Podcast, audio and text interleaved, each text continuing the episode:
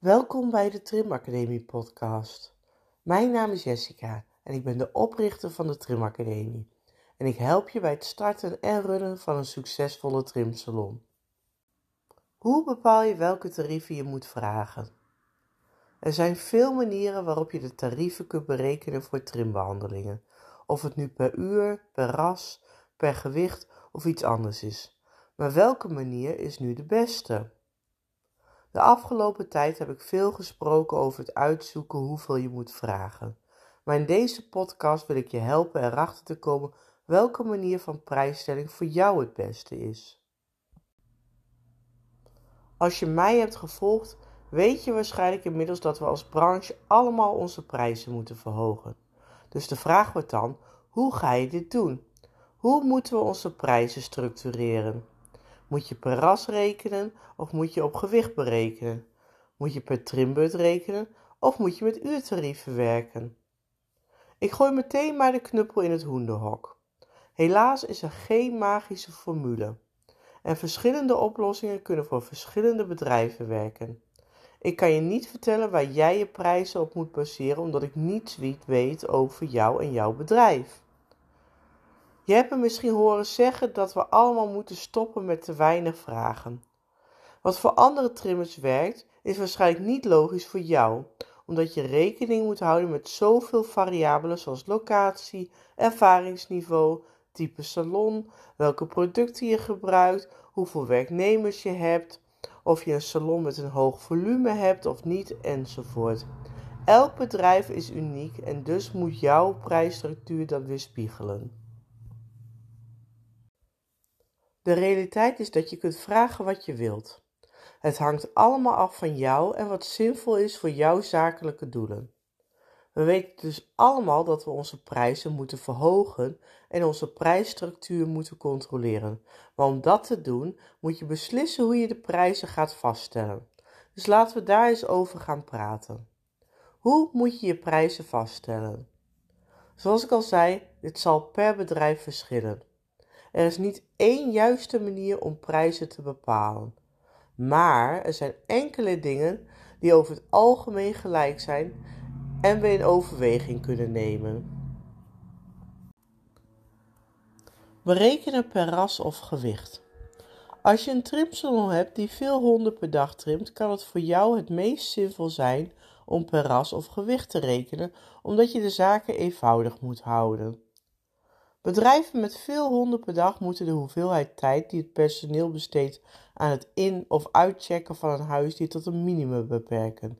Dus het is het beste om het eenvoudig te houden. Je zal dan niet veel tijd kunnen besteden aan het overwegen van andere factoren en het uitzoeken van de omvang van het werk.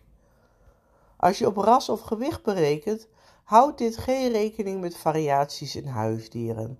Als je bijvoorbeeld alleen per ras rekent, kun je bijvoorbeeld een Maltese van 4 kilo tot een Maltese van 8 kilo hebben.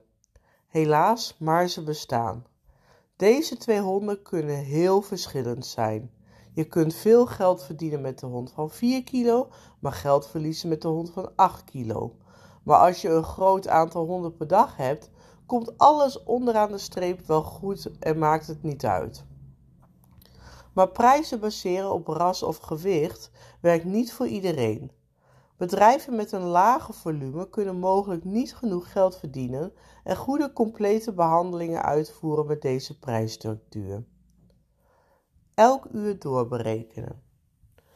Ik kan zeggen dat ik niet aanraad om per uur te berekenen. Of als je ervoor kiest om per uur te rekenen, dat je dit alleen aan de achterkant doet en dat je je tarieven niet als uurtarieven naar je klanten communiceert.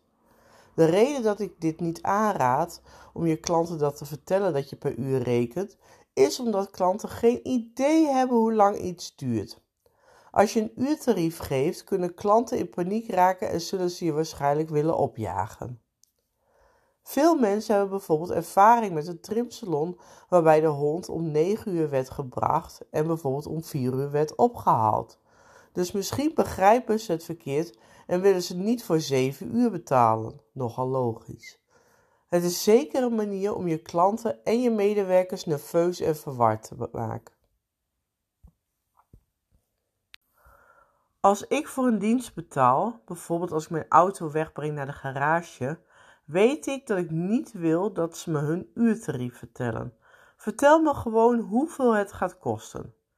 Ik weet niet wat ik nodig heb of hoe lang het duurt. Zij zijn de professionals. Een ander probleem met het berekenen per uur is dat niet iedereen even snel werkt. Pas gediplomeerde collega's doen er bijvoorbeeld veel langer over dan ervaren trimmers, maar waarschijnlijk werkt iedereen dezelfde uren op een dag. Dat betekent dat je waarschijnlijk geld gaat verliezen op de starter, omdat ze minder per uur trimmen. Het betekent ook dat je de powergroomers te weinig betaalt, omdat ze meer per uur kunnen trimmen. Dit kan ervoor zorgen dat jij en je medewerkers op jullie giecheltje gaan. Het is oneerlijk tegenover je trimsalon, maar het is ook oneerlijk tegenover je klanten, omdat ze niet bij elke trimmer dezelfde service krijgen. Als je alleen werkt en geen plannen hebt om iemand anders in dienst te nemen of op te leiden, kan het uurtarief natuurlijk een goede optie voor je zijn. Er zijn geen andere beperkende factoren waarmee je rekening moet houden en je weet precies hoe lang elke dienst duurt.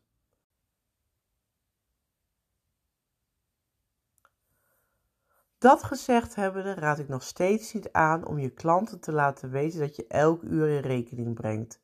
En in plaats daarvan voor de omvang van het werk rekent, zoals je zou doen als je aan iemands auto zou werken. Berekenen met een puntensysteem. Mijn favoriete methode en waar ik met mijn klanten aan werk, is het ontwikkelen van een puntenmethode die rekening houdt met alle factoren zoals ras, gewicht en uren, maar ook met factoren zoals vaardigheidsniveaus van de trimmer, emotionele belasting, risico en meer. Met dit systeem wijs ik elk huisdier punten toe. Huisdieren met meer punten kosten meer geld. Elke keer dat de trimmer een huisdier afmaakt, krijgen ze hetzelfde aantal punten. Trimmers die meer punten verdienen, verdienen meer geld per uur. Op deze manier is het eerlijk voor je trimmers en je klanten en past het bij je zakelijke doelen. Ik vind ook dat het heel gemakkelijk is voor mensen om te begrijpen en zich op hun gemak te voelen. Laten we zeggen dat een gemiddelde chichu scheren een uur duurt. Ze krijgen twee punten. Ik trim graag ongeveer 5 chichus per dag. Als elke chichu 2 punten is, maakt dat mij een trimmer van 10 punten. Mijn baas zou in dat geval weten dat ze me gemakkelijk 5 chichus per dag zou kunnen geven om te wassen en te trimmen en ik zal dit met succes behalen. Nu heb ik een washulp ingehuurd. De washulp krijgt 1 punt en ik krijg 1 punt. Nu kan ik 10 cheatjes per dag trimmen in plaats van slechts 5. Maar stel dat een van mijn klanten een cheat nachtmerrie is en twee keer zoveel werk, dan zijn ze 4 punten waard. Als trimmer van 10 punten kan ik die dag maar 3 andere cheat doen, omdat deze ene hond meer punten en dus meer tijd en energie kost. De trimsalon moet deze cheat ook meer berekenen dan andere honden om het onze tijd waard te maken. Dit is handig om prijzen aan te passen en ervoor te zorgen dat je de juiste prijs rekent voor elk huisdier dat in jouw salon komt. Nu je weet dat een Chichu twee punten is, dus een hond die veel groter, moeilijker en langer duurt, zoals bijvoorbeeld een kleine doedel, zou ergens tussen de 4 tot 6 punten moeten zijn. Laten we voor het gemak zeggen dat je 50 euro rekent voor een chichu van 2 punten. Nu weet je dat je op zijn minst ergens rond de 100 euro in rekening moet brengen voor een doedel. Als je nu extra's zoals een massage of andere specialistische zorg moet incalculeren, of als je weet dat jij of je collega sneller zal opbranden bij veel doedels, dan weet je dat je nog meer moet berekenen. Deze oefening in het puntensysteem zorgt ervoor dat je prijzen flexibel zijn en zorgt ervoor dat je goed oplet hoeveel elke hond waard is. Het kan je ook helpen om heel wiskundig over dingen na te denken en enkele emotionele aspecten van prijsstelling weg te nemen. Ik gebruik het in mijn eigen bedrijf en beveel het ook mijn coachklanten aan. Het is voor iedereen eenvoudig te bedenken en uit te voeren. Het helpt je ook om voor jezelf te zorgen, omdat het niet alleen gebaseerd is op meer geld verdienen. Het helpt je te begrijpen hoe je je diensten prijst en waarom je die prijzen hanteert. Het helpt je er ook voor te zorgen dat je prijsstructuur goed werkt voor jou, jouw bedrijf en jouw bedrijfsdoelen. Het is goed om genoeg geld te vragen om financieel oké te zijn, maar je moet meer doen dan dat. Stel lange termijn doelen voor financieel succes. Maak gebruik van een bedrijfscoach of volg mijn webinars. Prijsherstructureringen kunnen eng zijn, maar ik ben hier om jou bij deze overgang te ondersteunen. Ik bied één op één coaching aan aan collega's die hun prijzen en bedrijfsmodel willen herstructureren.